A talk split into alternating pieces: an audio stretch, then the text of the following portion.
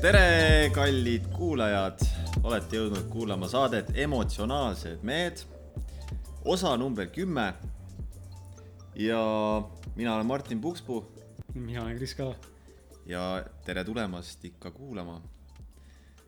meil on alati saanud traditsiooniks tänada inimesi, kes on meile jätnud arvustuse, aga kuna seekord ei ole ühtegi arvustust välja tuua, siis täname kõiki inimesi jälle ma küsiks korra nagu vahele, et äh, mida perset lihtsalt või et nagu, miks meil ühtegi arvustust ei ole uut? viimane arvustus oli meil kuradi eelmise aasta detsembris, kui saadet ei teinud veel. nojah, keegi ei kuula meid enam. keegi, ei kuula, kõigil on kopp ees sinu valinast, minu valinast. inimestel on sitaauguni ja kõriauguni ja tegelikult tahetakse saada midagi muud. jah, nii on. aga noh, me oleme need vennad, kes ei, ei saa aru ka vaata sellest, et me teeme nii paska asja. me lihtsalt teeme edasi seda nagu, nagu idioodid, igal saatel on kakskümmend viis kuulamist aga, aga järjepidevalt kümme aastat. ja siis heietame kuskil viinapitsi taga kuuekümne aastasena, et sai ikka podcast'i tehtud ja tuhat, tuhat saadet, jube edukas oli. aga tegelikult ju ega öeldakse, et järjepidevus ju viib sihile, nii et äh, halba siin midagi ei ole. no ja absoluutselt. pluss noh, nagu me, no mõistagi võib-olla keegi ei saanud aru, et me ju teeme nalja. aga kas ikka teeme või? aga kas ikka teeme?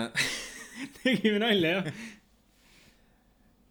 et selles mõttes ja aeg ja see on ju meie jaoks ka sihuke testime ja väljendame ennast ja, ja vaikselt üritame asja muuta paremaks ja eks ta nii läheb.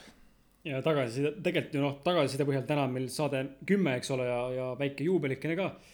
tagasiside põhjal tegelikult ju noh, saame väga vabalt oletada ja tegelikult ju näha seda, kuidas, kui palju ja mis mahus tegelikult me oleme inimesi suutnud panna kaasa mõtlema, et tegelikult on neid väga palju, kes meiega ja meie nii-öelda noh, ütleme siis selliste meie jaoks aktuaalsete ja oluliste teemadega resoneeruvad. mm. -hmm. no nii, täna on sihuke eriskummaline saade, et ei suutnud välja mõelda, millest me siis täpselt täna rääkida tahame ja Ja- peaks justkui olema juubel, aga noh, et nagu ja teeme ära, ülikõva saade, kõik on välja mõeldud, viis kuradi piiblit valmis kirjutatud, just, aga noh just, just tuleb parim saade, kõik äh, kuulavad. aga vot ei, ei ole täna seda teemat ja, ja siit spontaanselt siis äh, lükkame selle, lükkame selle teema käima. meil on täna jälle ka kuulaja, saatekülaline, minu tüdruk Anja. lehvitab seal meile. lehvitage vastu siis. ja et te lehvitate ka kodus. kurat. aga Kris, räägi uudistest, mis on sul äh, päevakohane? uudised, mis räägi sina enne, sa võib-olla positiivsemas võtmes, enne kui ma siin hakkan enda masendust üle kandma. Te käisite pulmas, jaa, me käisime pulmas nädalavahetusel, laupäeval äh, Muhu saarel Nami Namaste puhkekeskuses või puhketalus. ja mu üks parimaid sõpru Oleg abiellus Melissaga. ja ma pean tunnistama, et see oli mu täiskasvanud elu esimene pulm, kus ma käisin ja ühtlasi kõige ilusam pulm, kuna ma ei ole mujal käinud, aga tõesti läks, läks äh, südamesse see pulm mulle. tihti avastasin ennast lihtsalt nagu suu ammuli hetkes ole, olles äh, jälgimas äh, kõike, mis seal toimub hõbeniit nirises.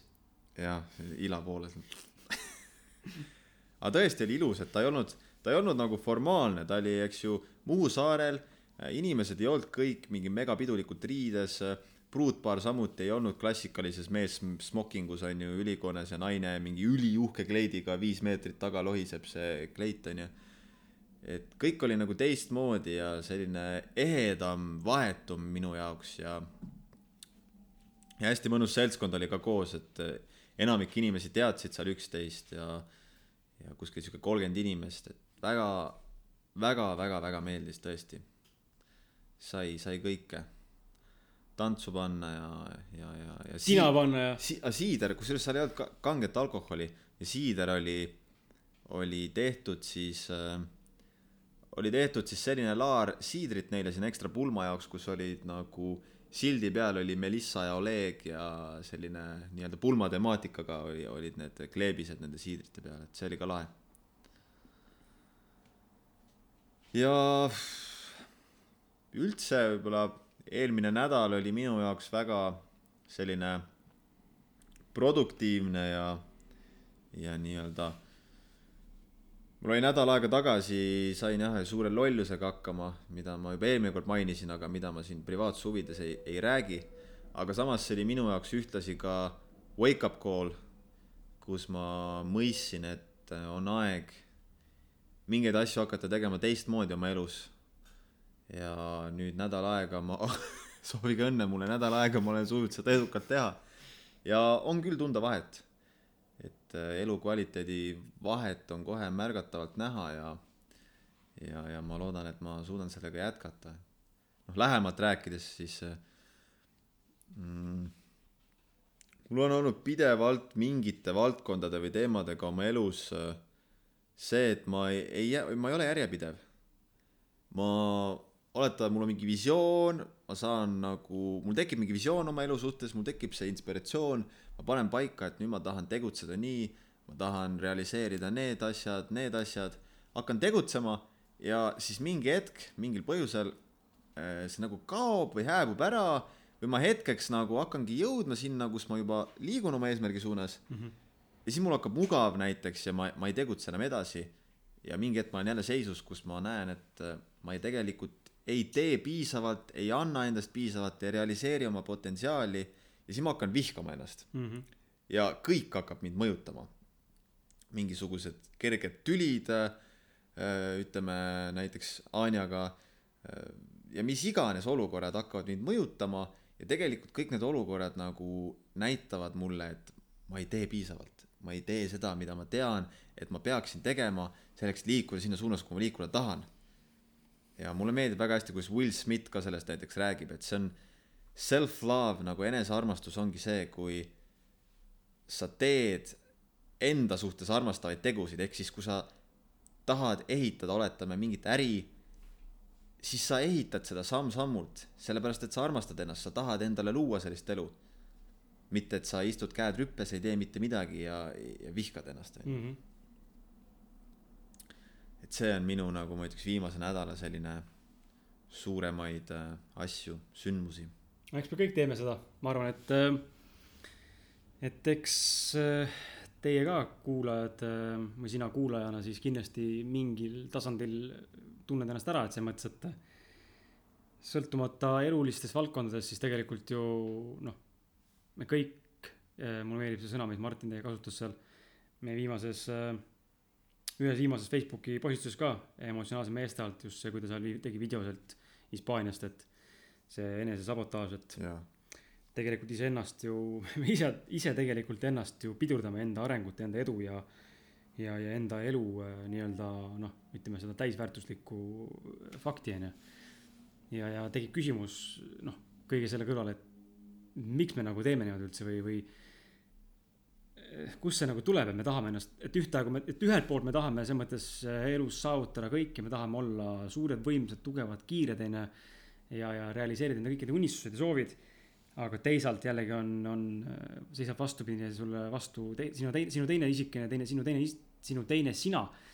kes siis tegelikult ütleb sulle, et sa ei saa sellega hakkama, ära tee seda, see on mõttetu, ei ole mõtet teha, on ju, unusta ära, liigu edasi, unusta ära ja nii edasi. Et nagu huvitav, kuidas tegelikult on noh, iga päev tegelikult on, on tegelikult ju konflikt meil iseendaga mm -hmm.. noh, kas suuremas, suuremas või väiksemas mastaabis, et eluliste valikute, valikutes samamoodi igapäevastes lihtsamates asjades ka, et kas ma ärkan kell viis või ärkan kell kuus või ärkan kell seitse või ärkan kell kaheksa onju.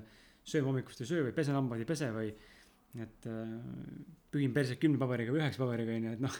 et selles mõttes, et need, need igapäevased valikud, et meil käib kogu aeg see sisemine võitlus ja dialoog iseendaga, et kumb see siis nagu peale jääb.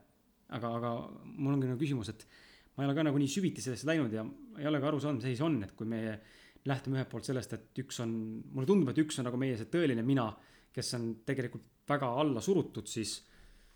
väga alla surutud ja siis teine, teine pool, kes tegelikult meile vastu räägib sellest negatiivsest poolest, tundub olevat ikkagi see noh, ego või mingi muu see, mingi nagu segu. kes arvab, et ta on, on see, kes ta on.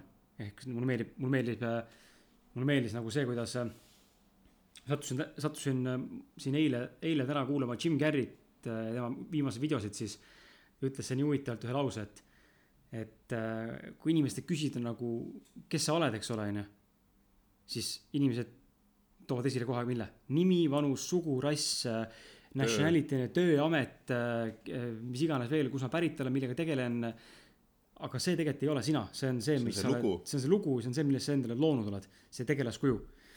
Aga tegelikult sina oled seal sees ja, ja ongi huvitav nagu märgata seda, kuidas tegelikult ongi võitlus kahe nagu täiesti erineva eksistentsi nii-öelda vahel. jah, ei, absoluutselt. minu meelest see elu ju see nii-öelda rõõmu, selleks, et jõuda tasakaaluka eluni, kus sa enamik ajast tõesti oled, kuidas keegi seda nimetab, õnnelik, rahulolev, tasakaalus, siis see, see ju tulebki sellest, kui meie sees kaob ära see võitlus, kaob ära see konflikt, sest tegelikult ju vahet ei ole, mis meie elus parasjagu toimub. See rahulolematus ju tekib alati sellest konfliktist meie sees, et on see reaalne olukord, on see, mida me reaalselt eh, tunneme selles hetkes. Ja probleem saab alguse sellest, et me ei aktsepteeri ju seda. Ja siis tekib see võitlus kahe poole vahel endal, üks, üks pool on ma peaksin praegu nii käituma, ma peaksin olema selline, ma peaksin, ma peaksin tundma nii, miks ma tunnen seda, miks ma olen nii. ja siis ongi see meeletu võitlus, enesevihkamine ja noh, see ongi see üks rahulolematuse põhjuseid.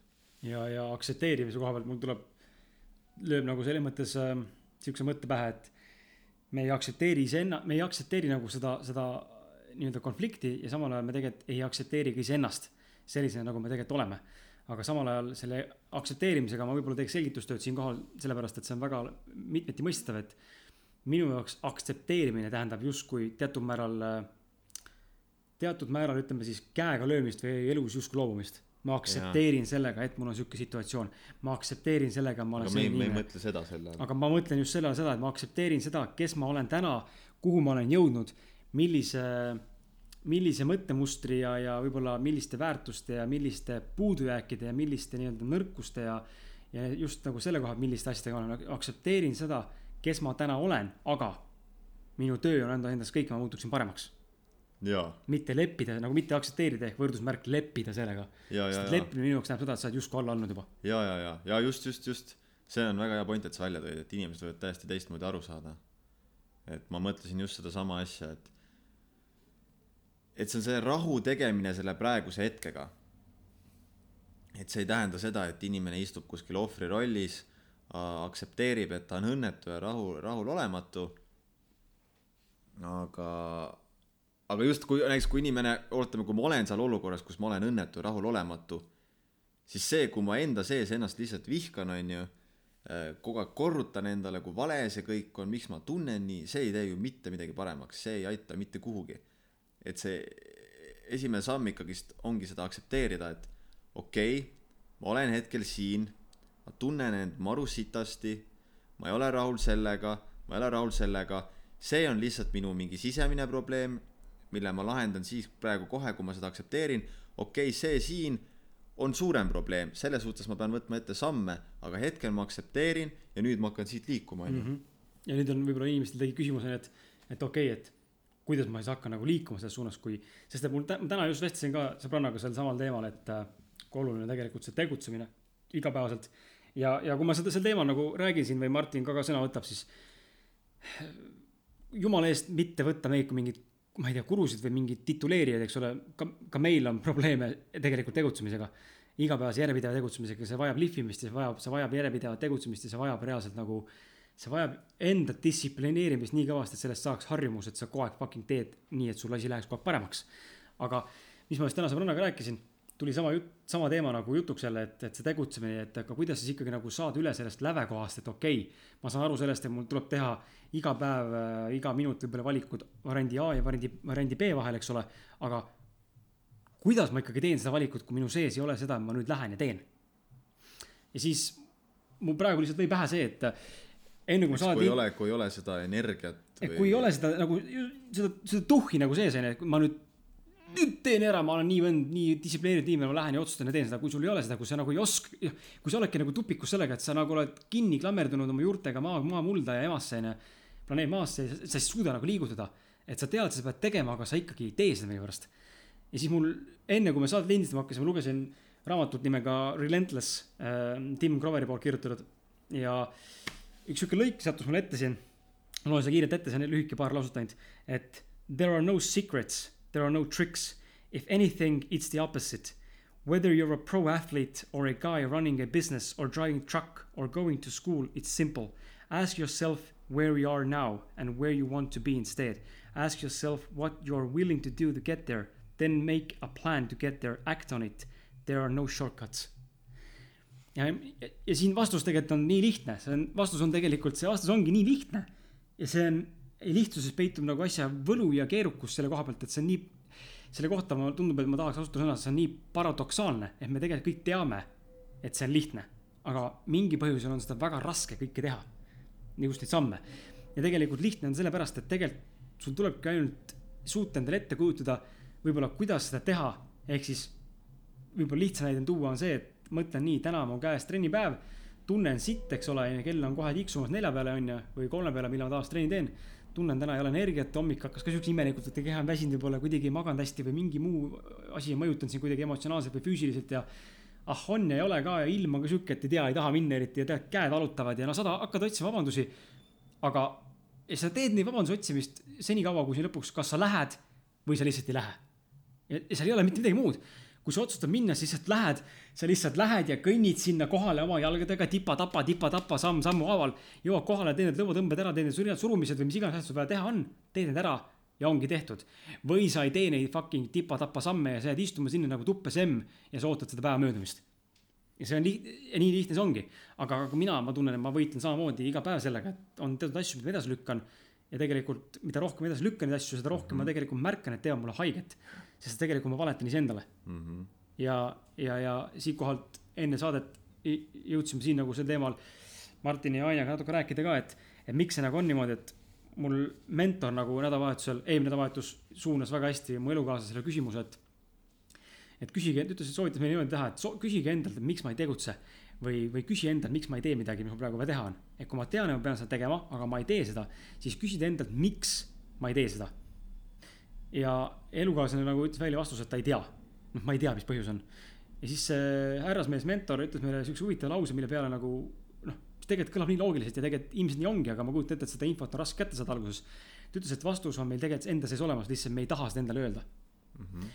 Ja, ja kõige hullem ongi see, mul on tunne, et vastus tegelikult, kes seda öelda tahab, ongi see tegelikult see, see, see, see sinu tegelik sina, aga su ego ei lase seda vastust välja karjuda. ta nagu blokeerib seda, sest et see on valus ja see purustab teda, see lõhub ego ja see tõmbab neid kihte ja neid koorikuid nii-öelda nagu nahakihte maha. ja tegelikult teeb ego nõrgemaks ja toob esile rohkem sinu tegelikku sina. ja me kõik teame, mis juhtub, kui tegelikult tuleb esile sinu tegelik sinu, sinu, sinu elus, siis noh, siis sa fucking oledki tõenäoliselt õnnelik ja oled õnnestunud ja oled, oled nii-öelda nagu õigel teel, aga senikaua, kui see ego on sul ees, on nagu väga raske, väga raske enda elus, enda elus üldse midagi teha. jah, ja see on, vot see on väga lahe, see on väga lahe, kui meie teema tüürib. See ju ongi see enese tüürib. Enese saboteerimine. Me meil on ju alati tegelikult valik. Ja me ju valime ise tegelikult püsida selles seisundis kus me saame jätkata enese vihkamist. Me ei tee ära neid asju mida me me teame et peame tegema ja me valime ise kannatada seal me valime mm, -hmm. see on meile nii tuttav me oleme nii sõltuvuses sellest äh, seisundist, kus on jõuetu, ei ole energiat ja on selline tunne, et ma ei saa hakkama ja ma ei suuda ja kõik on nii kättesaamatu ja. ja kohati sa naudid isegi seda. see on nii mugav lihtsalt. see on nii mugav, sa, me oleme harjunud istuma seal terve elu. ja sest, et täna ka näiteks ma treenisin ühte klienti.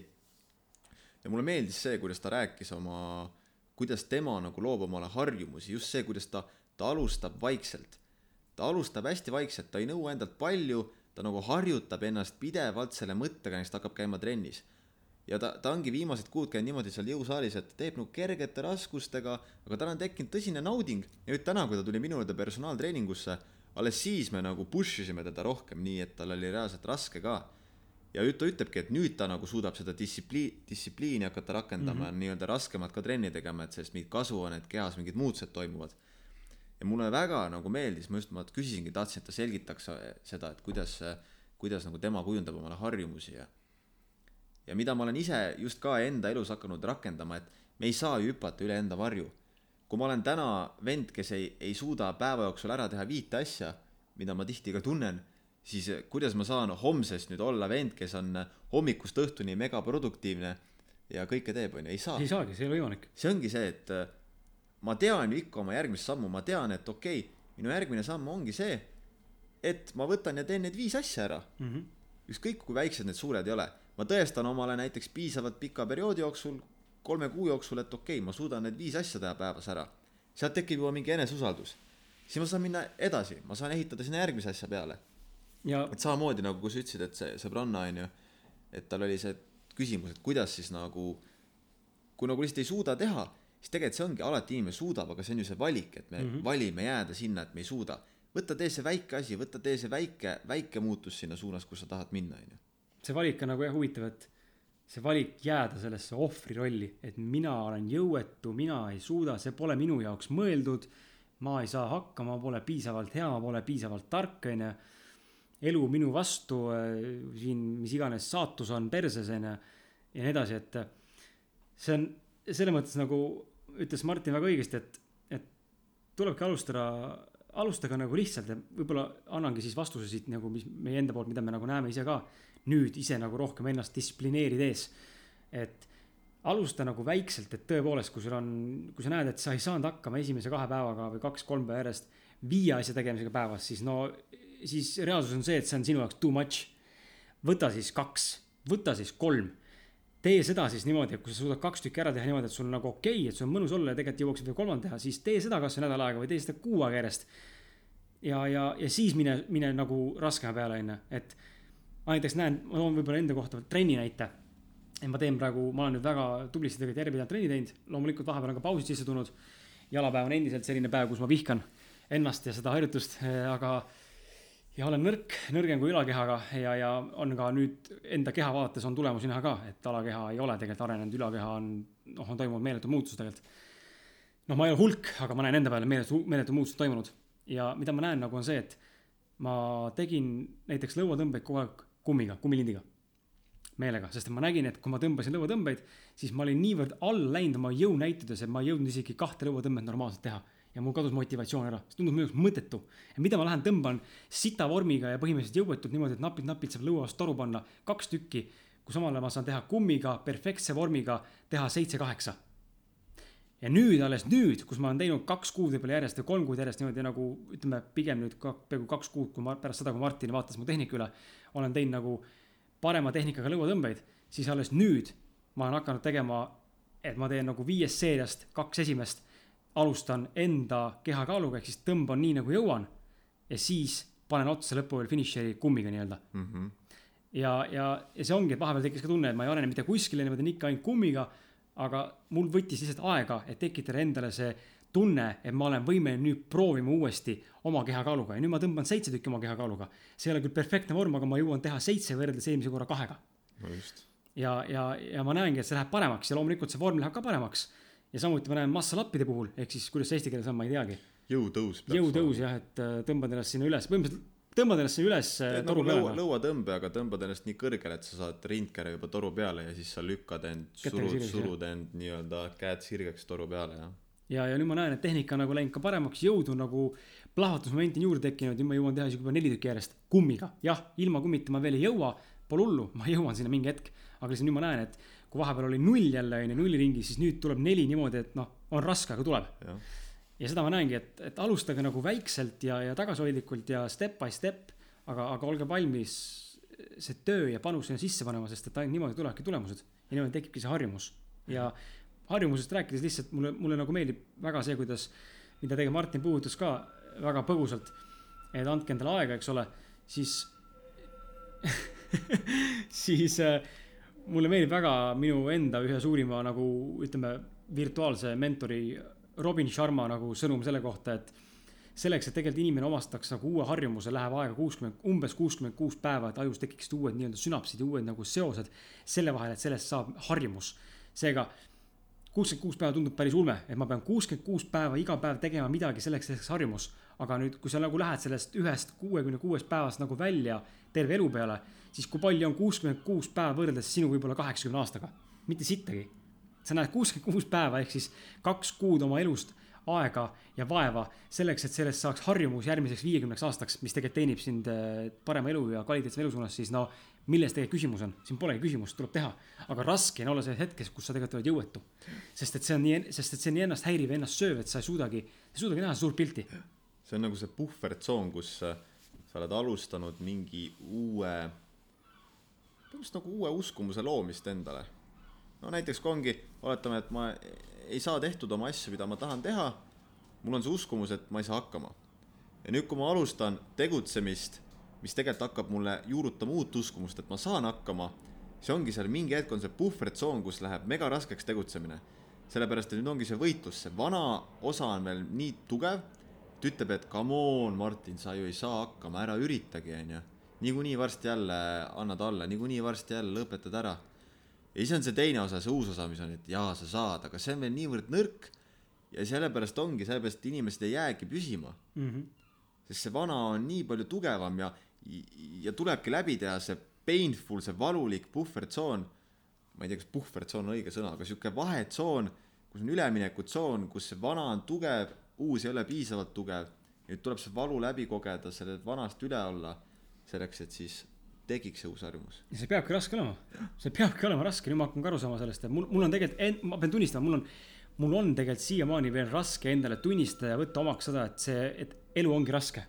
ja, ja kui ma seda ütlen siin saates, siis ma ei mõtle seda, et el- ma, minu see elu on raske, ei võrdu sellega, et ma olen nüüd kibestunud ja masenduses ja depressioonis ja olen alla andnud ja elu on, ma olen ohvrirollis, vaid elu ongi raske selle koha pealt, et sa peadki ennast kogu aeg ületama, sa pead kogu aeg enda seda lävepakku nii-öelda nagu jalaga perse taguma, sest et muidu ei tule muutust. ja see on ju see, et me lõhume tegelikult iga, iga muutusega oma elus, me lõhume enda ego, seda, kes me oleme mm -hmm. tegelikult, kõik meie see lugu sünnist kuni praeguse hetkeni. me lõhume ju mingit osa sellest loost, kui me ennast nii-öelda muudame. aga kuna me samastame ennast, me olemegi see lugu, siis ongi sihuke tunne, nagu sa nii-öelda kaotaks mingi osa endast, nagu mingi osa sinust sureks ära. ja sellepärast meil ongi nii raske neid must-, muutusi läbi teha me ei taha, et mingi osa meist ära sureb.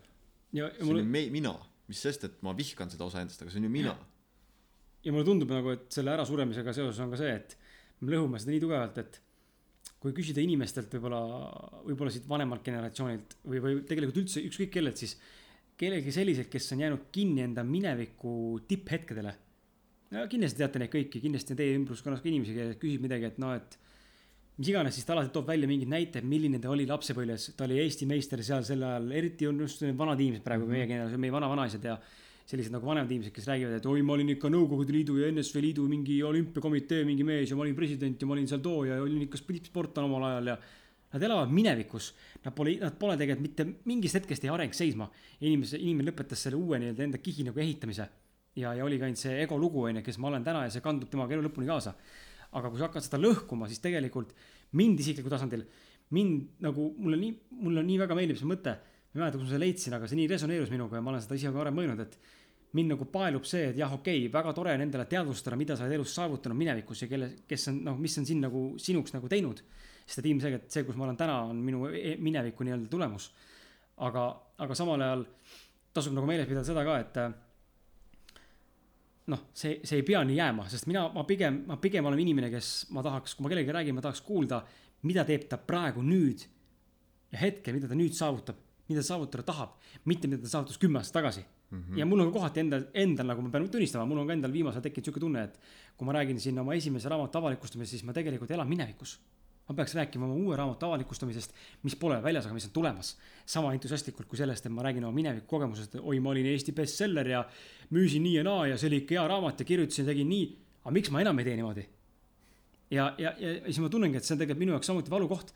ehk ma tegelikult räägin ja ma saan sellest aru, aga, aga samuti ka mina, mitte ma olen mingi iidol, aga ma rõhutan ka mina, et teil tekiks resonants minuga ja Martiniga.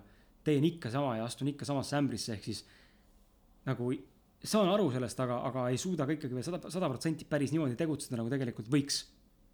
ja see on päris haige tegelikult kõrvalt näha seda ennast analüüsivalt niimoodi, et kui palju tegelikult vajab seda tööd iseendaga ja ütleme sellist filosofeerimist igapäevaselt või, või iganädalaselt igakuiselt, et sa saaksid aru sellest, mis on nagu elu mõte või nagu kuhu sa üldse tahad liikuda oma eluga, sest et mul on, mul nii paljud inimesed, noh, suurem osa inimestest lihtsalt ei tee seda. Nad ei mõtle mitte kunagi mitte millegi peale. elavad lihtsalt läbi oma elu ja, ja kulgevad ja lõpuks äh, ja ongi kõik, no sinna see jääbki, noh. Mhm. Pole mitte mingit analüüsi siin taga. ja see on kurb, noh. jah, see on minu meelest tihti äh,. noh, see on ju tavaline tegelikult, istutakse aastaid kuskil mugavustsoonis, võib-olla kümme aastat istutakse mugavustsoonis ja alles siis tehakse mingi muutus oma elus läbi. aga noh, minu jaoks see ei ole elu näiteks. ma, ma jään, ma jään, ma arvan, kui ma olen juba mõned nädalad mugavustsoonis, mul hakkab mingi häirekell nagu lööma, et oot-oot-oot, Martin, et mis nüüd, toimub, nüüd, oleks vaja nagu midagi, midagi teha, panna ennast natukene jälle kuhugi ebamugavasse olukorda, sest et sa noh, niisugune tunne, ma hakkan, ma hakkan surema sisemiselt, kui ma ei, kui ma ei arene. kui ma ei ületa oma hirme, kui ma ei kasva suuremaks. mm. -hmm.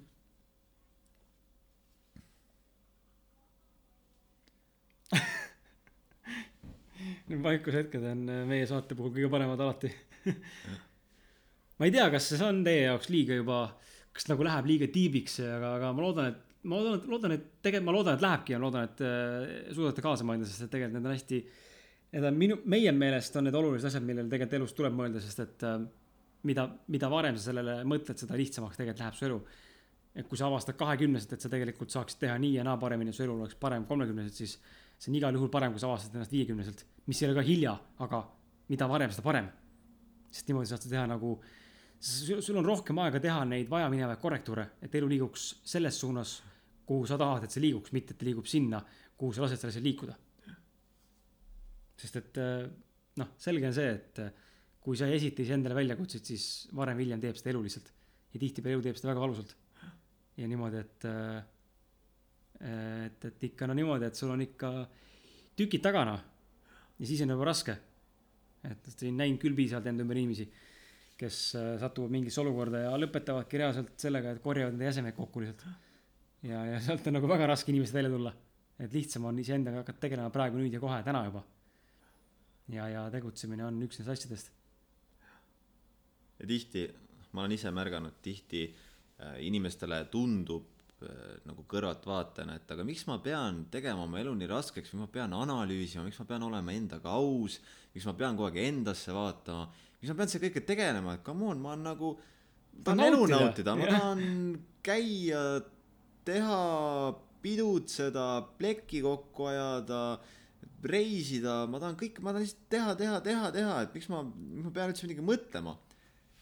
Minu vastus sellele oleks see, et kui sa suudad iseendaga olla näiteks nädal aega kuskil, et sa ei suhtle kellegagi, sa oled puhtalt iseendaga, sul ei ole mingeid olulisi tegevusi päeva jooksul, kui sa suudad olla nädal aega niimoodi, et sa päriselt ka oled rahus, sa koged meelerahu, siis ma julgen öelda, sa oled õnnelik inimene, sa ei peagi mõtlema, ära mõtlegi, naudigi, teegi seda kõike, reisi aja plekki kokku, tee kõike, mis sa tahad teha, onju aga kui sa oled see inimene, kes ei suuda seda teha, sa ei suuda endaga olla, siis millest me räägime? see on ju kõige alus, et sa suudaksid iseendaga olla rahus. suhe iseendaga on ju kõige olulisem suhe. mm. -hmm. kui ma ei suuda olla iseendaga rahus, ma, ma olen seda väga hästi märganud, just ma räägin praegu enda kogemust, enda näitest.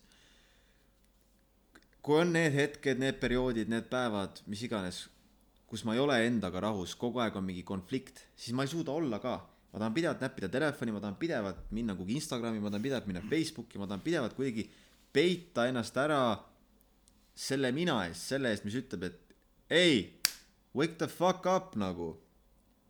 Vaata otsa oma sitale nagu, tegele sellega. ja samas, kui on, eks ju, need perioodid, need hetked, kus ma olen endaga rahus, siis ma võin lihtsalt olla ja nautida väga lihtsaid asju. ei olegi midagi vaja. Mm -hmm. ja kõik, mida ma nüüd teen, siis see nauding, mis tuleb sellest puhtast olemisest, olemise rõõmust, see nauding täidab nüüd iga mu tegevuse, iga mu suhtluse, iga mu vestluse, kõik, kõige.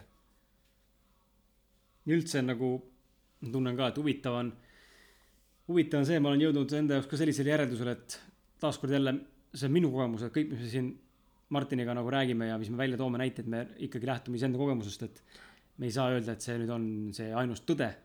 tore, kui, tore, kui see juhtub niimoodi olema, et äh, tuleb välja lõpuks kuidagi mingi valem, et see ongi tõde, tegelikult nii ongi, siis väga kihvt ja tore, veel toredam, keegi suudab sellega resoneeruda, aga ma nagu tunnen ka, et ma näen enda pealt vähemalt seda, et äh, ma usun, et teil on ka äh, kuulajad olnud, olnud elus piisavalt äh, noh, loodetavasti mitte, mitte igapäevaselt, võib-olla mõnel arenguetapil igapäevaselt nagu minul praegu on, aga mingi aeg elus ikka on sellised tõsisemad perioodid inimestel. siuksed nagu inimene, kes isegi on täiesti no niimoodi, et ta käib siukeste hobuste klappidega silmad, klappidega silmad kinni peas. mis need hobuseklapid on? on siuksed jaa, siuksed mustad, mis käivad hobust silmad ette, siuksed mustad suured klapid. mis, mis, mis ma ei tea, miks, ma ei mäleta, mis, mis värk need on, mida nad, midagi, midagi nad teevad hobuste, kaitsevad mingi asja eest.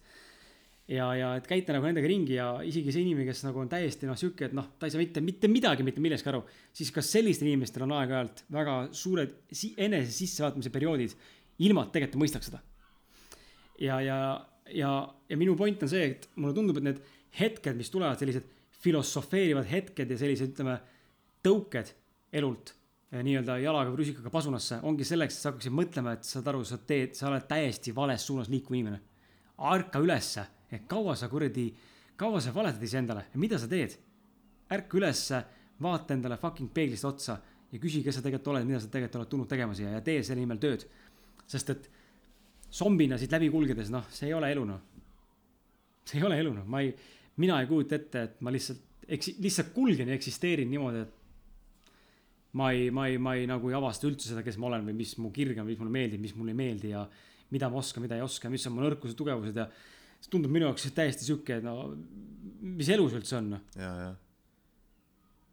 minu meelest kõige kurvem on see, kui, kui on näha inimesest ja muidugi ma saan ka tugineda enda kogemusele, kui mul on olnud mingi periood, kus mul kaob ära see elurõõm, mul kaob ära see inspiratsioon, siis see on, see, see on nii tappev tunne. see ongi nagu see tunne, et mitte miski ei rõõmusta enam mm. -hmm. kõigest. elu on perses, noh. kõigest on ükskõik. ja kui sa vaatad väikseid lapsi, nad on kogu aeg, nad on üllatunud, nad on, kõik nagu hämmastab neid, kõik üllatab neid. ja minu meelest ehe näide sellest, kui ma liigun nii-öelda oma potentsiaali suunas, kui ma pidevalt kasvan, arenen, ongi see, et siis ma olen ka, ma pidevalt üllatun, ma olen pidevalt seda hä hämmastust täis nagu, et vau, vau, päriselt või, jälle ma kogesin midagi uut, jälle ma nägin midagi täiesti uue nurga alt, onju. ja, ja, ja see ongi minu meelest see, kuidas me seda elu peaksime elama. pidevalt on see sihuke lapselik avastusrõõm. mitte see, et no see on puu, ma tean, Mhm. viieaastasena ema ütles, et see on puu. no see on konn. see on rõõm. see on kurbus. kõik on nagu ära sildistatud, ära leierdatud ja midagi uut ei ole. ja noh, ma, ma ei tea ka, ma ei tea, kuidas saab nii elada. nagu puu koha pealt lihtsalt nagu veel detailsemaks minnes, et ta on lihtsalt puu, eks ole, aga kui sa hakkad seda asja süvat-, süviti vaatama, onju, siis tegelikult mida ma, mida ma enda puhul näen, mis mulle, mis mul on tekitanud vaba-momente, on see, et isegi kui sa lähed süvatalvel, proovige seda, sa lähed süvatalvel mingi suurema puu juurde ja paned paljad käed vastu puukoort, siis tegelikult sa tunned, et see su käe alt läheb pea peal soojaks.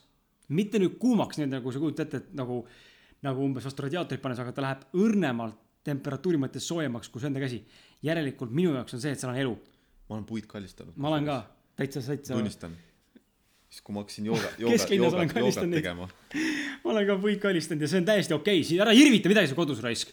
See on täiesti normaalne. see on täiesti normaalne, puid kallistame, mehed kallistavad puid, mis imelik on siis? aga jah, mäletan ka, ma hakkasin joogas käima järjepidevalt, siis lugesin mingit Eckart Tolle raamatut ja seal vist midagi rääkis puude kallistamisest ja siis ma, ma elasin maal, siis alati ma läksin marsa pealt maha õhtuti, siis mul oli üks puu, mida ma kallistasin. Tegelikult on nii haige ma mõelda, aga, tahtsin tunda, et kas ma tunnen midagi. aga tundsite ma sa? ei tea, vist tundsin jah. no muidugi tundsin, miks sa muidu tegid seda noh. lootuses, et äkki tunned midagi. aga nii on, saad aru, seal on midagi enamat. ja see ongi see sildistamise mõte, et alati on sildistamistest midagi enamat ja nagu there's, there's always something beyond. ja Ja- vaata sildistab nagu see, aa mingi puukallistaja onju. mingi puukalist, mingi pederast oled või? mingi äh, soft käivend oled või? kuradi soft käivend teeb su sina veriseks raisk. ja siis lihtsalt, aga nii ongi, et lihtsalt seal on alati, seal on alati midagi enamat. ja, ja, ja samuti on meie endi juures on alati midagi enamat kui see, et ma lihtsalt vaatan peeglist. ma, ma va-, saad aru, see, keda sa näed peeglist iga jumala fucking päev, ei ole tegelikult sina. ehk siis sa lähed peegli ette, vaatad peeglist ennast, vaatab vastu mulle mingisugune vend, kellel on pikad juuksed praegu onju see ei ole mina, see ei ole Kris. see on minu füüsiline vorm siinses eksistentsis, kus on selline figuur inimestele antud, nagu on inimene. seal sees oled sina see, see, see teadlikkus või hing, vaim, jumala allikas. minu pärast nimeta, kuidas tahad, härjapõlvene, ufo. nimeta, kuidas sa soovid. aga seal sees oled sina, sest et kui sa vaatad autot tänapäeval, siis jah, tehnika on kõvasti arenenud ja auto võib ise ka sõita lõpuks, aga, aga ütleme lühidalt kui autos pole sees inimest roolis, siis auto ei liigu, ehk siis see keha ja kuju ja figuur ja see nagu see masin ei liigu. sama on sinu fucking kehaga, sinu keha ei liigu, kui seal sees ei oleks hinge, kui hing, kui sa ära sured, siis ju keha lihtsalt kukub kokku Mm. see ei funktsioneeri enam, sest sa pole sees seda teadvust. seega ärge tulge ütlema mulle, et äh, filosofeerimine ja enda üle analüüsimine mõttetu, sellepärast et hing ei eksisteeri ja vaimsust pole olemas ja. no siin kindlasti mingid teadlased seletaks, kuidas see on jah, mingisugune noh. mingisugused, ma ei tea, biokeemilised äh, protsessid ajus, mis tekitavad selle tea-, teadveloleku tunde ja nii See ei ole lihtsalt võimalik. ma arvan jah, see see, ongi, see ongi nagu tihti, mis mind teaduse puhul just nagu häirib. kuigi see annab meile väga palju ja ma hindan seda ka väga palju, aga mis mind kohati teaduse puhul häirib, võib-olla isegi mitte teaduse puhul, vaid nende inimeste puhul, kes võtavad teadust nagu Ainus- nagu ainult- see on nagu religioon nende ainult lihtsalt, jaa, muud ei ole olemas. et just see, et kui ma fucking kogen, et siin on midagi enamat kui see fucking käega katsutav füüsiline reaalsus onju, siis miks ma peaks uskuma mingit teadust, mis väidab, et, see pole olemas. et kõik on lihtsalt Jah. mateeria onju, see on mateeria siin onju. ja et inimene on ka, teadvus on ka lihtsalt mingisugune, mingid keemilised protsessid ajus onju. miks ma peaks seda uskuma, kui ma ise ju fucking tunnen seda, et see ei ole nii kõige, kõige, kõige hämmastav näide minu jaoks võib-olla selle hinge, hinge teemaga rääkides, et kui keegi ikka veel ei usu, et asi ei ole siis uskumus või mitte uskumus, aga too näite, kui keegi tõesti arvab, et ei ole olemas hinge ja mina olengi äh, Pille ja Toomas ja Kris Martin ja mm, Sille ja Sirli ja mida veel onju, mina olengi see ja on kõik. ma olen see lihakänsakas siin, kes liigub ärasolve lõpuks, siis olge korraks vait, suu kinni, sulge silmad ja ütle endale mõttes, ma armastan sind ja nüüd mul on küsimus, nagu mind tõesti huvitab, sest et see on, sest et see on nii haige, kui sa hakkad selle mõtlema. Proovige korraks, üks, kaks, kolm, öelge endale mõttes suu kinni, et ma armastan sind. küsimus on, kes see rääkis? mõistad? ehk kui sul on suu kinni, sa ei räägi ja suu on kinni, siis järelikult sa ka ei kuule füüsiliselt, nagu sa praegu mind kuuled, siis kuidas said sa praegu öelda enda peas mingi häälega iseendale ja seda ka kuulda oma peas, mida sa just ütlesid? mõistad? See on- mõistan, aga see on, see on nagu, see on nagu hästi, ta läheb nagu võib-olla liiga, liiga sügava tasandile, aga minu point on see, et seal sees on miski, mis eksisteerib väljaspool meie seda füüsilist kuulmist ja rääkimist. sa kuulsid ja sa ütlesid iseendale ja sa said sellest aru. miski sinu sees rääkis ja kõneles. ja see ongi see, mis mina, mina nagu tunnen, mille nimel inimesed peaks nagu küündima, et saada aru, kes nad tegelikult on, sest et see hääl on sinu sees olemas. jah, jah, jah, ei mul lihtsalt kohe tuli mingi sihuke mõte pähe, et see on kindlasti nii primitiivne näide, et, mingisugune targem vend oskaks meid siin kohe ümber ja seda võib minna jalaga perse saada ka. aga, aga, aga jah. jah, nii on või ei ole ka. mul on, mul on mingi nädal aega kestnud juba või kaks nädalat kestnud juba selline eksistentsiaalne kriis, et sihuke tunne, et ma isegi, ma ei, ma isegi, ma üritasin, ma olen üritanud ennast väljendada siin inimestele, aga ei oska lihtsalt, mul ei ole sõnu. ei ole sõnu enda väljendamiseks, sest et mingi, mingisugune sisemine areng on toimumas ja, ja ma ei tea täpselt, kuhu see viib, aga ma näen natukene, mis, mis rada on hakanud lahti rulluma sealt nende mis selle nagu põhi, mis selle uue, uue nii-öelda taipamise või arengu sihuke põhi, põhisuund või põhitõdemus on?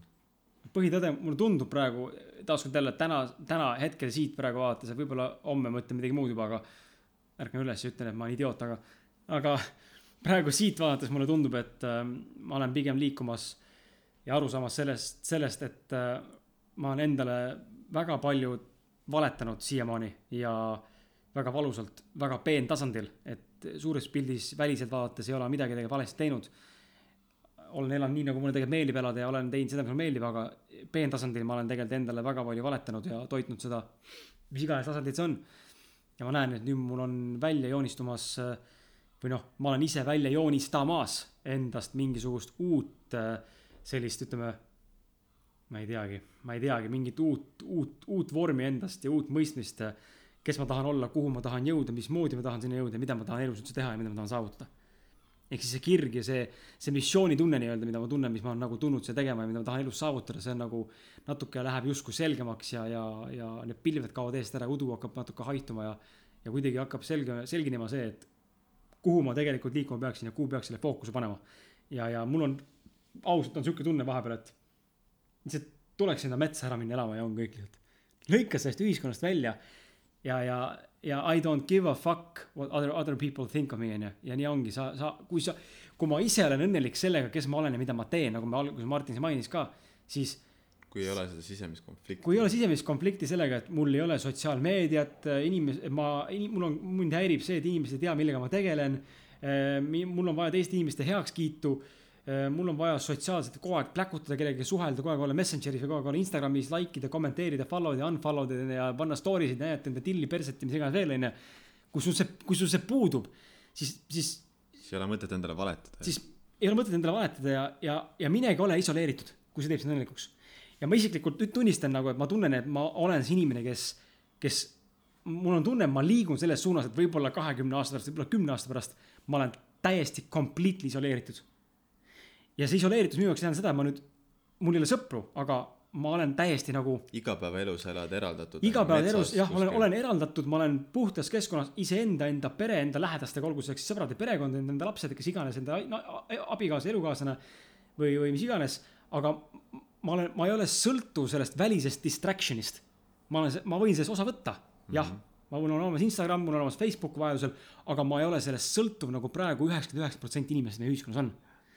Ja see on see, mis mind jubedalt hakkas häirima ja mis on praegu pannud mind sellised uued käigud sisse ja uued pöörded ajus tööle ja ma suudaksin leida endas selle nagu nii-öelda balansi, et ma olen võimeline eksisteerima, aga mitte nii-öelda olema selle ori. sest et ma näen, et ma, ma sattusin sellesse ämbrisse, ma olin selle süsteemi ja selle sotsiaalmeediasüsteemi täielik ori juba. ja mind hakkas see sööma, ma valet-, ma olin, ma muud, ma ei olnud mina ise enam, see oli, see oli lihtsalt fake ja võlts. Ja ma tõesti loodan, et inimesed, kes seda kuulavad, suudavad sellega resoneeruda, et ma olen sellest pidevalt kirjutanud ka ja minge vaadake Kris Kala account'i Instagramis, see nagu, mis sul on, kuus tuhat pluss follower'i. vähem on nüüd, see on, see väheneb ajaga, sest ma ei ole aktiivne, ma ei tege-, ma ei tegele enam sellega, millega ma alguses tegelesin, et ilgelt, ilgelt engage in, like in ja kommenteerin ja ülipositiivsed postitused on ju, üliilusad pildid. kõrvaltvaatajale võib tunda nagu, et mis asja, et nagu ülilahe ju, mida sa teed. elu on ilus, elu on korras.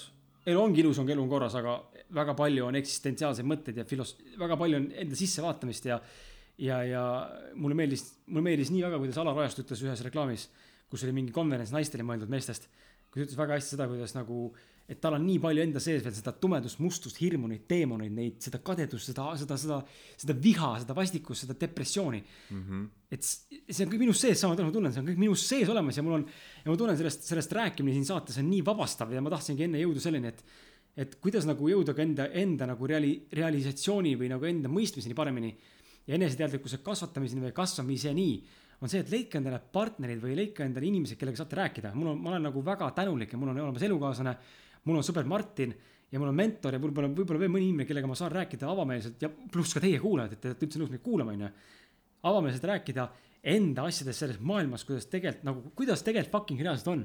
tegelikult on perses vahel ja mitte, ma ei mõtle perses nüüd negatiivses aspektis, aga on selles mõttes perses, et nagu ma olen ikka tupikus omadega praegu täiega ja, ja aga, aga ma näen, see valgus seal tunneli lõpus on nagu positiivne.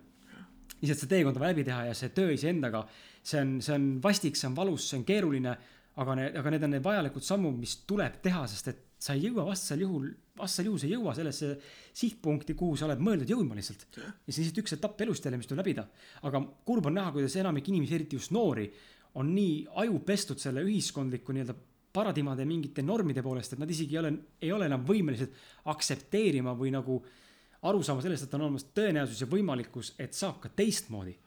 me oleme nii kuidagi minu meelest ju isegi kui noori, noori vaadata, siis noorte seas juba on aina, aina rohkem seda teadlikkuse kasvamist. on, on muidugi jah, kes aga kes vähemal määral, kes rohkemal määral, aga, aga kui me võtame mingi põlvkond tagasi, on ju, meie, meie vanemad, siis no nemad enamik ei saa mitte munnigi aru mitte, midagi ei saa aru noh, lihtsalt programmid. täiesti ulme lihtsalt. Proovi siis rääkida, vaatab sind nagu debiilik oled lihtsalt, teiselt planeedilt. Martina elu ei ole nii lihtne. elu ei ole sihuke, elu, elu ei ole lihtne. elu ei ole nii lihtne jah, kui su kuradi programmid ja uskumused on nii kivistunud juba. täitsa haige, nii, see ongi müstika, ma ei saa sellest lihtsalt aru enam ja, ja, ja see lõhubki seda, et see ongi, et sa satud nii konflikti selle ühiskonnaga. sest su tegelik sina tahab nagu välja karata ja karjuda, juhuu, ma olen nii õnnelik lihtsalt. Et ma olen selline, nagu ma olen, aga siis tuleb ühiskond, paneb sulle lihtsalt niimoodi kohe aeg lihtsalt jalaga näkku ja rusikaga pasunasse, et türa, hakka elama normaalselt, mida sa endale ette kujutad siin, noh. tõmba tagasi, kasva suureks. kasva suureks, tõmba tagasi, võta need kuradi prillid peast ära, mees, noh. elu on keeruline, elu on perses, raha ei kasva puu otsas. mine tööle, muidu, kes siis, kes see töötab, see, see. kuradi, kuradi haiged mustrid lihtsalt, mis meid tegelikult niimoodi programmeerivad, niimoodi ajab okse lihtsalt seda, mul on lihtsalt nii, seda on nii haige rääkida sest see on nii vabastav tunne olla iseendaga aus mm. -hmm. ma tõesti siiralt loodan, et te, te kuulate meid siis nende kümne saate jooksul siin olete hakanud aru saama sellest, et kui te olete iseendaga ausad kogu aeg läbinisti üdini ausad, siis, siis, siis siis on reaalsed muutused toimuvad see hakkab, hakkavad muutused toimuma, varem või hiljem, saad aru, võib-olla mitte täna, võib-olla mitte homme, võib-olla mitte kuu pärast, võib-olla mitte aasta pärast, võib-olla viie aasta pärast, aga see tuleb. ja see, kes mitte kunagi ei tee seda, tal ei ole mitte kunagi seda. ja, ja seda minu jaoks ongi oluline, et üm- ümbritsege, ümbritsege ennast inimestega, kellega te saate sellest rääkida ja kui teil ei ole mitte kedagi, kellega rääkida, siis olge seal metsas. kuradi kirjutage päevikud, kirjutage kraapige, ma ei tea, puukoore sisse või joonistage liivale või ma ei tea, salvesta diktofoni või räägi endale peegli ees, ma ei tea, vahet ei ole. ela välja lihtsalt, ela välja, sest et see, sest et kui see kõik, me oleme rääkinud selles esimeses saates ka. Nende emotsioonide, nende erinevate mõtete ja tunnete ja, ja kõikide aspektide sees hoidmine. see tegelikult see lõhub ongi, sind. see ongi fucking hävitav. ja see ongi nii tihti, me kardame neid asju endast välja rääkides, me kardame, et kui me seda teeme, Siis me muutume. midagi perse siis me muutume. aga tegelikult on vastupidi, justkui me räägime, ükskõik kui halb see ei tundu esmapilgul, mis meie sees on, aga kui me räägime ausalt fucking välja, mis meie sees toimub, siis äh, see fucking tekitabki muutuse. Sest et see on nagu energia, mis vabaneb tammi tagant, sest lõpuks ma sain hingata, onju. lõpuks ma sain endast välja selle kõik. ja see ongi nii haige, et äh, sa just ütlesid ka just, et me nii väga kardame teha seda, aga, aga me ühelt poolt tahame nii väga teha seda, tahame nii väga muutust, aga teiselt poolt me kardame nii väga muutust. sest et, sest et noh, selge on see, oma kogemusest ka, me inimestena ju kardame mida, teadmatust. Ja isegi kui see on positiivne teadmatus, siis sa kardad seda, sest sa ei, sest sa ei ole seda kogenud. Me klammerdume selle külge, mida me oleme varem kogenud, mis on meile tuttav, mis on mõnus, mis on mugav, nagu ma, nagu saate alguses Martin rääkis ja, ja, ja me ei, ja sellest lävepakust üleastumine vajabki julgust iseenda vastu aus olla, sest et ja, ja ma nagu ol, olla teiega nagu selles mõttes aus, see saade on aususest ja me oleme ausad, siis minu kogemus näitab mulle seda, milleni tegelikult tahtsingi enne jutuni jõuda sõprade ja lähedaste poole pealt, et kui sa hakkad olema iseendaga aus, siis võib-olla sa oled isoleeritud ja sul kaovadki ära see üheksakümmend protsenti inimesed, kes ümber on. ma saan täna julgelt käsi südamel öelda, mul on äh, minu, minu inimesed, kellega ma igapäevaselt kokku puutun, on Martin, kes istub mu kõrval, mul on elukaaslane, mul on sõbranna Aneta, kellega ma suhtlen nüüd viimase rohkem, jumal tänatud, et ma selle otsuse, otsuse vastu võtsin. jälle ma tegite, ma tegin otsuse ja ma hakkan panustama ja tema tegi samamoodi ühise otsuse. ja mul on tööalaselt äh, mõned inimesed veel, kellega ma suhtlen äh, igapäevaselt. ja, ja see on kõik, neli inimest sain, ma sain neli inimest enda peast praegu. neli inimest, kellega ma suhtlen igapäevaselt ja kellega ma jagan enda mõtteid tegelikult. sa ja mõtled nüüd seda, et neli inimest, kellega sa suhtled igapäevaselt nagu äh, ausalt onju. Kellega sa võid end täielikult jagada, mitte see, et nagu pinnapealsed suhted. ei, mitte see, et tšau, jõu, jõu, kuidas, kuidas läheb, mis toimub? kuule, käi perse, mind ei huvita. ja ma ei ütle, kus mul läheb, sest mind ei huvita lihtsalt ja ma tean, et sind ka tegelikult ei koti see. aga mul on neli inimest ja ma tunnistan, et ma olen nagu üliõnnelik sest et ma olen alati elus seda meelt, et pigem, pigem nagu olla vähe ja head kui palju ja sitad. Aga see- kvaliteet üle kvantiteedi. Aga see on tegelikult tihti nagu ma olen, kuna mina olen selline inimene äh,, kellega nagu ma tean, et minuga on hea rääkida. tihti inimesed nagu on seda mulle öelnud, tule sa oled Egor, kuradi munn vend. siis tegelikult tihti ma olen märganud seda, kus inimesed ütlevad, et neil ei olegi mitte kellegagi rääkida siukestest teemadest Jah.. mitte kellegagi ei saagi rääkida üdini ausalt, sest et lihtsalt ei saa nagu. inimesed ei mõista. inimesed ei mõista, inimesed ei kuula, inimestel puudub see oskus selle kõigega suhestuda, sest et no ongi ja see on, inimesel võib olla tegelikult mega palju tutvusi, mega populaarne inimene ja, ja tegelikult ei ole ühtegi inimest, kellega Ja saaks ikka- ikka nagu fucking aus olla ikka lihtsalt. oled tühi tegelikult seest. jah, ja kõige hullem ongi see, et inimesed ei suuda nagu üldse kuulatagi. inimestel puudub analüüsivõime. ja see on ju kõige olulisem asi üldse igasuguse enesearengu juures. analüüsivõime, kas ennast või teisi kõrvalt näha lihtsalt. ja, ja kurb on nagu näha, et seda inimestel ei ole. taaskord jälle, me ei ole, me ei ole Martiniga kurud, lihtsalt me räägime seda, milleni me oleme täna jõudnud. väga suur areng läbi väga suur areng on toimunud, aga, aga sadu, sadu kordi suurem areng on veel ees ja kas ma üldse jõuan sinna, ma ei tea seda, eks ole, see ei olegi tegelikult üldse nagu end goal'i ma nüüd pean saama kuskil tippu, sest minu jaoks on see, kui karikas saab täis, see on halb. ma tahan, oleks mul alati võimalus edasi areneda kuskile, ma ei taha, ma ei taha, et areng seisma jääks. aga, aga see on kõige hullem, inimestel jääb ka areng seisma. ja, ja ärge kartke selles mõttes, et kui, kui tunnete, et tahate olla isoleeritud, olge, aga olge valmis arvestama sellega, et ja aktsepteerima seda, et teil hakkavad võib-olla inimesed ümbert ära kaduma. ja võib-olla te hakkate nägema seda, kes on tegelikult tõeline sõber kes ei ole aga point ongi selles, et see ei, see ei ole üldse kurvastav, kui inimesed ära kaovad ümbert. Minu jaoks ka ei ole. just nagu sa ütlesid, et, et see kvaliteet on kõvasti olulisem kui see kvantiteet. sest noh, jah, ma, ma tunnen täpselt sama. milleks, mul ei ole vaja nagu pinnapealseid suhteid oma ellu või noh, neil niikuinii on need pinnapealsed suhted, selles mõttes me ju noh, kuidas keegi, aga ma käin ka aina rohkemate inimestega nii-öelda läbi, puutun kokku igapäevaselt aga just nimelt nagu need inimesed, kellega ma saan nagu väga ausalt südamest südamesse rääkida, neid on, neid on tegelikult vähe. Neid on tekkinud juurde viimasel ajal. Ja võib-olla sellepärast, et ma olen ise lihtsalt avatumaks muutunud, et ma ei noh, ma nagu annan rohkematele inimestele võimaluse nii-öelda tundma mind õppida ja ma olen ise avatum inimeste suhtes ja mm -hmm. ma võib-olla ei anna enam nii kiirelt hinnangut ja seetõttu kuidagi ma tunnen, et minul on viimasel ajal tekkinud rohkem inimesi, kellega võib-olla isegi ma ei suhtle igapäevaselt, aga tekib mingi situatsioon, ma puutun näiteks kokku inimesega ja ma räägin äh, täiesti südamest südamesse, ausalt, avatult ja siis ma võib-olla jälle mitu kuud inimesega ei suhtle. et seda on mul küll nagu viimasel ajal hakanud rohkem tekkima. nii on. kuidagi kummaliselt salvestab, ma loodan, et see nüüd äh, ei haki, vaid ikka ilusti. ma arvan, et oleks ilusti, ma arvan, et seda on raske vist. aga hakkame otsi kokku tõmbama. jah, ega mul ei ole ka rohkem lisada, et sai välja elatud ennast jälle ja kuulajatest on natuke kahju isegi sihuke tunne, et nagu elame ennast nende peale täiega välja, aga pigem ma arvan, et nad ikkagi, pigem need inimesed ikkagi resoneeruvad ja, ja saavad võib-olla ka mingeid uusi mõtteid, et see ongi oluline, sest et ma näen ise ka, et kas päevikut pidades või teiega rääkides või ma- üldse inimestega rääkides tegelikult noh, sa saadki niimoodi uusi mõtteid, kui sa suudad ennast äh, kõrvalt näha ja kui sul tuleb pärast selle info juurde tagasi, siis sa näed ennast veel omakorda nagu veel topelt kõrvalt ja sul tekib veel omakorda uusi mõtteid. et, et see on kindlasti põnev ja kindlasti oluline etapp. jah, lõpetuseks nagu ikka, ma sotsiaalmeediast leiate, mina olen küll praegu sotsiaalmeedias mitteaktiivne kuni augustikuu alguseni, et mind ei pea jälgima üldse absoluutselt, ma ei tee mitte midagi seal, ei mitte mingit blogi, mitte mingit Facebooki, mitte midagi. unusta kõik ära, et aga kui tahate vaadata, siis jah, leiad mind at, at Kris Kala eh, Instagramist ja Facebookist on autor, autor, autor Kris Kala või siis lihtsalt Kris Kala on enda nii-öelda õige inimese profiilileht ja koduleht on www.kriskala.com. hetkel küll on domeeni eest maksmata leht on maas, aga aga teen seda, teen seda lähipäevil ja, ja siis on leht uuesti üleval, saate lugeda blogipostitusi, kui tahate. mind leiab Instagramist at Martin Pukspuu, seal mul on enamasti kõik äh, treeninguteemalised postitused.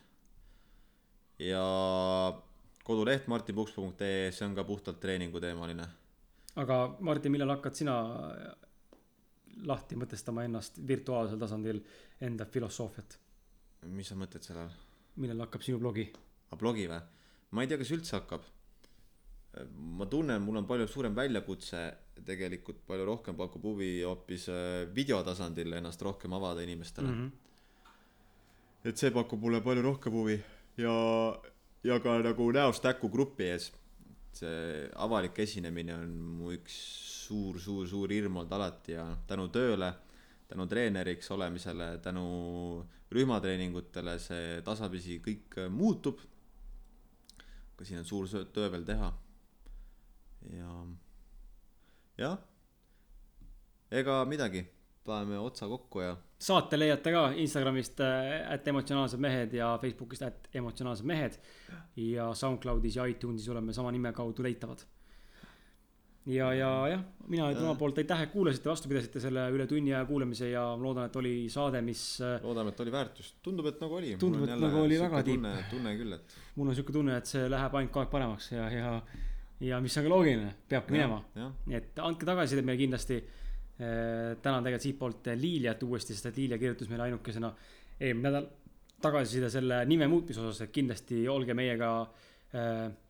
olge meiega rohkem kontaktis ja meiega rohkem sotsiaalsemad, sotsiaalmeediaplatvormides, et andke meile teada, mis te arvate, mida mõtlete, sest et see on meie jaoks oluline ja, ja niimoodi saame muuta meie paremaks saadet. ja ainult niimoodi saame muuta paremaks seda infot, mis me teieni toome.